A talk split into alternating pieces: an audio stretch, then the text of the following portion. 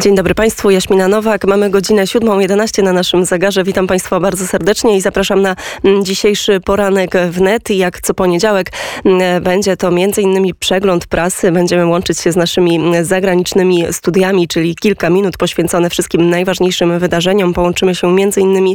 z Kijowem, skąd e, także o godzinie 8.10 wywiad główny Krzysztof Skowroński i Paweł Bobołowicz, nasz korespondent prosto z Kijowa, ale połączymy się także z Tajpej, połączymy Łączymy się także z Libanem, z Kazimierzem mm, Gajowym. Dużo ciekawych mm, informacji, dużo ciekawych rozmów przed nami. O godzinie 8.30 mm, będzie także rozmowa z panem Markiem Budziszem, ekspertem Strategy and Future i tutaj spojrzenie na sytuację na polsko-białoruskiej granicy, ale to będzie takie spojrzenie trochę e, szersze.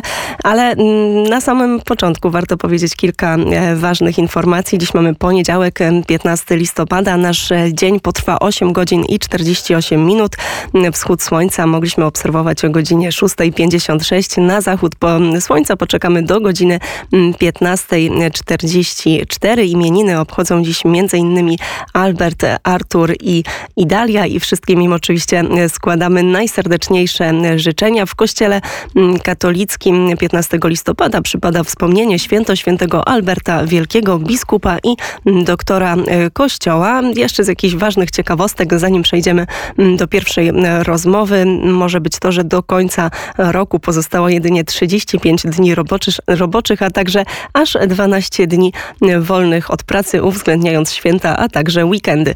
Teraz już mamy godzinę 7.30 i rozpoczynamy poranek w net, a oczywiście nie możemy go rozpocząć od innego tematu niż właśnie wszystko to, co dzieje się na naszej polsko-białoruskiej granicy. Łączymy się z naszym pierwszym gościem. Jest nim pułkownik Marek Pietrzak, rzecznik Wojsk Obrony e, tery Terytorialnej. Dzień dobry. Dzień dobry, witam serdecznie. Bardzo dziękujemy za ten czas samego rana dla słuchaczy Radia Wnet. Wczoraj Wojska Obrony Terytorialnej poinformowały, mm, że po stronie białoruskiej na, na tym koczowisku migrantów odnotowano mm, bardzo duże poruszenie. E, mógłby pan coś więcej powiedzieć na ten temat? Jak minęła ostatnia noc? E, no tak, tutaj akurat ta nasza wiadomość wynikała z tego, że musieliśmy wręcz wzmocnić nasze siły na tym kierunku. E, tam oczywiście większość to są e, żołnierze wojsk operacyjnych, również funkcjonariusze i policji i Straży Granicznej. Żołnierze Wojsk Obrony Terytorialnej również tam działają, ale nie są niejako siłą wiodącą, ale wczoraj wieczorem kilkudziesięciu żołnierzy tam wzmocniło, wzmocniło właśnie siły będące na tamtym kierunku. No zaczęły się po drugiej stronie takie ruchy, które które mogły wskazywać na to, że będą podejmowane jakieś próby mm, siłowego przekroczenia y, granicy, ale no, często tak jest, że albo funkcjonariusze białoruscy, mówiąc brzydko, przepędzają y, ty, te osoby, które są po drugiej stronie, y, nakłaniają je do jakichś działań, czasami wywierają na nich naprawdę bardzo dużą presję, czasami słychać tam, słychać tam jakieś odgłosy dochodzące z drugiej strony i rzeczywiście wczoraj miało to miejsce. Nie wiem, być może, być może było to ukierunkowane na jakieś uporządkowanie tej grupy, która była po drugiej stronie. Natomiast tak już y, generalizując, to noc minęła względnie spokojnie, jeżeli oczywiście można mówić tutaj w tej sytuacji, w sytuacji tego y, kryzysu, gdzie mamy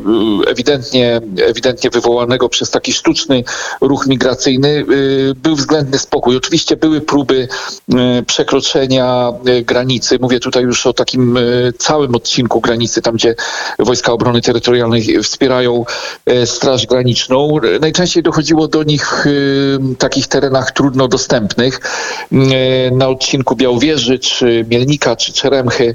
E, monitorowaliśmy grupy przemieszczające się wzdłuż granicy, to z wykorzystaniem naszych bezzałogowców, również w inny sposób Mamy, mamy, można powiedzieć, dobry, a nawet bardzo dobry wgląd w to, co dzieje się bezpośrednio przy granicy od strony białoruskiej. To nam mm, umożliwia e, delegowanie środków w te miejsca newralgiczne, gdzie może dojść do prób e, siłowego albo takiego nielegalnego przekroczenia, e, przekroczenia granicy.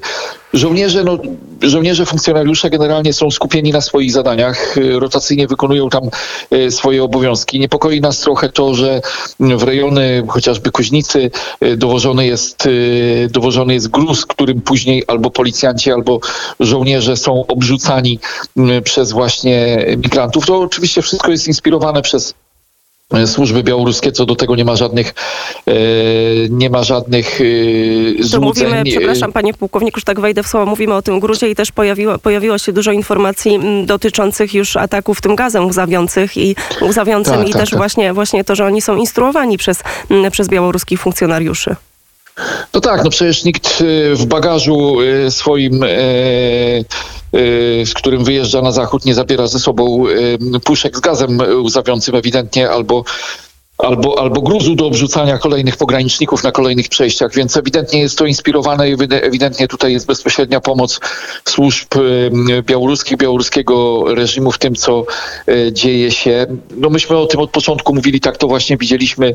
E, no, można powiedzieć, że w tym momencie e, mamy satysfakcję z tego, że, że w końcu do większej części społeczeństwa dotarło to, skąd, skąd, skąd się wziął ten kryzys, co on ma na celu, kto za nim stoi i dlaczego jest tak, jak jest. No możemy się spodziewać, bo wiemy o tym, że widzieliśmy obrazki, zresztą teraz media społecznościowe, świat jest taki, że naprawdę e, każdy z nas może mieć niejako dostęp e, do tego, na żywo, co się dzieje.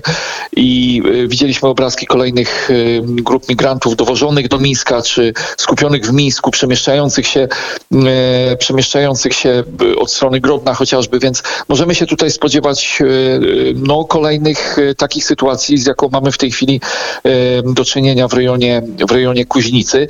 Jak to długo potrwa? No myślę, że, że dłużej niż, niż możemy się chyba tego spodziewać, a już na pewno dłużej niż wszyscy tego chcielibyśmy. Miejmy świadomość, że my jako żołnierze, funkcjonariusze e, postrzegamy te osoby, które są po drugiej stronie granicy zupełnie po ludzku i e, szczerze im współczujemy. Natomiast no, miejmy świadomość, że oni zostali wmanipulowani w to wszystko i tutaj no, trzeba sobie powiedzieć, że rozwiązanie tego kryzysu humanitarnego tam po tamtej stronie to jest bardziej sprawa chyba Białorusi, która za tym wszystkim stoi, a przez jego organizację, przez jego sprowokowanie próbuje wywrzeć jakieś naciski na czy to Unię Europejską, czy Polskę. Yy, no tak to wygląda w tej chwili, jeżeli chodzi o poniedziałek rano.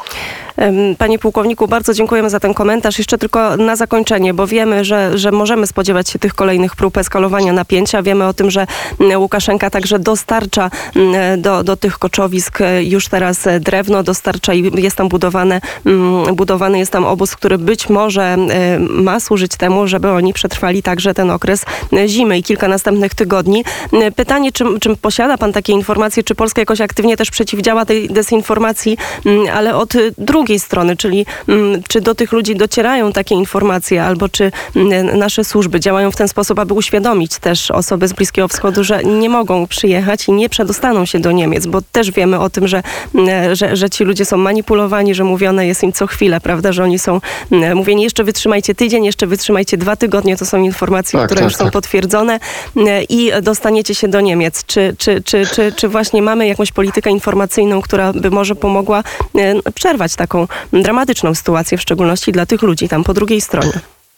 E, no tak, dokładnie. Dobre pytanie. Ja oczywiście tutaj e, nie jestem odpowiedzialny za to i nie, e, nie jestem ekspertem w tej dziedzinie, natomiast te informacje, które do mnie docierają też od osób, które zajmują się komunikowaniem tego na szczeblu, na szczeblu państwa, oczywiście jest tak, jak pani redaktor mówi, czyli tutaj są prowadzone szerokie, szerokie działania w państwach, z których głównie pochodzą migranci dotyczące tej komunikowania tego, że Polska ewidentnie sprzeciwia się przepływowi przez swój teren migrantów, że granice są zamknięte, że nielegalne próby ich przekroczenia nie będą, nie będzie, nie będzie, nie będzie dopuszczane do nielegalnych prób przekroczenia granicy, nie ma na to zgody i tak dalej, i tak dalej. Już abstrahując od tego, że na granicy przez megafony są wygłaszane komunikaty w kilku językach e, o tym, że e, przekroczenie granicy jest nielegalne, że a ewentualnie komunikaty RCB, które wysyła na, e, na komórki osób, e,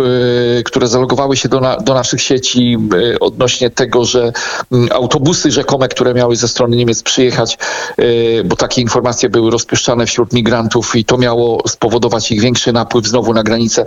Nie przyjadą oczywiście, że nie ma takiej, że nie ma takiej akcji, więc tutaj widać manipulowanie migrantami daleko idące ze strony właśnie służb białoruskich po to, aby wymusić na nich, aby spowodować ich pewne działanie. No można powiedzieć, że oni są taką bronią w ręku reżimu Łukaszenki, który bezpruderyjnie ich wykorzystuje. Ewidentnie są, są instrumentem w pewnej dużo większej grze, grze o którą, w której, w której interesy ma oczywiście reżim Łukaszenki. Ale tak, działania i w krajach Bliskiego Wschodu, z którego pochodzą, z którego pochodzą migranci, są oczywiście prowadzone, które mają na celu wyjaśnienie tej całej sytuacji, jak ona wygląda i tutaj też takie sygnały oczywiście, zresztą w mediach też było, było to komentowane w ostatnich dniach, że e, pewne linie lotnicze wycofują się z lotów do, e, do Mińska. Mamy też e, informacje o pewnych działaniach ze strony Iraku. Miejmy nadzieję, że one się spełnią, więc tutaj niejako społeczność międzynarodowa też zaczyna rozumieć tą sytuację, zaczyna rozumieć, że ta cała sprawa jest rozgrywana przez, przez służby białoruskie i, i że następuje tutaj, tutaj taka instrumentalizacja i wykorzystanie tych biednych ludzi do, do pewnej gry, e, no właśnie, prowadzonej przez e, naszego wschodniego sąsiada. Bardzo serdecznie dziękujemy za ten komentarz. Gościem Radia Wnet był pułkownik Marek Pietrzak, rzecznik Wojsk Obrony Terytorialnej. Dziękuję. Dziękuję bardzo. Drodzy Państwo, 7.22 na naszym zegarze, a to e, oznacza, że już najwyższy czas na przegląd prasy w dzisiejszym poranku wnet.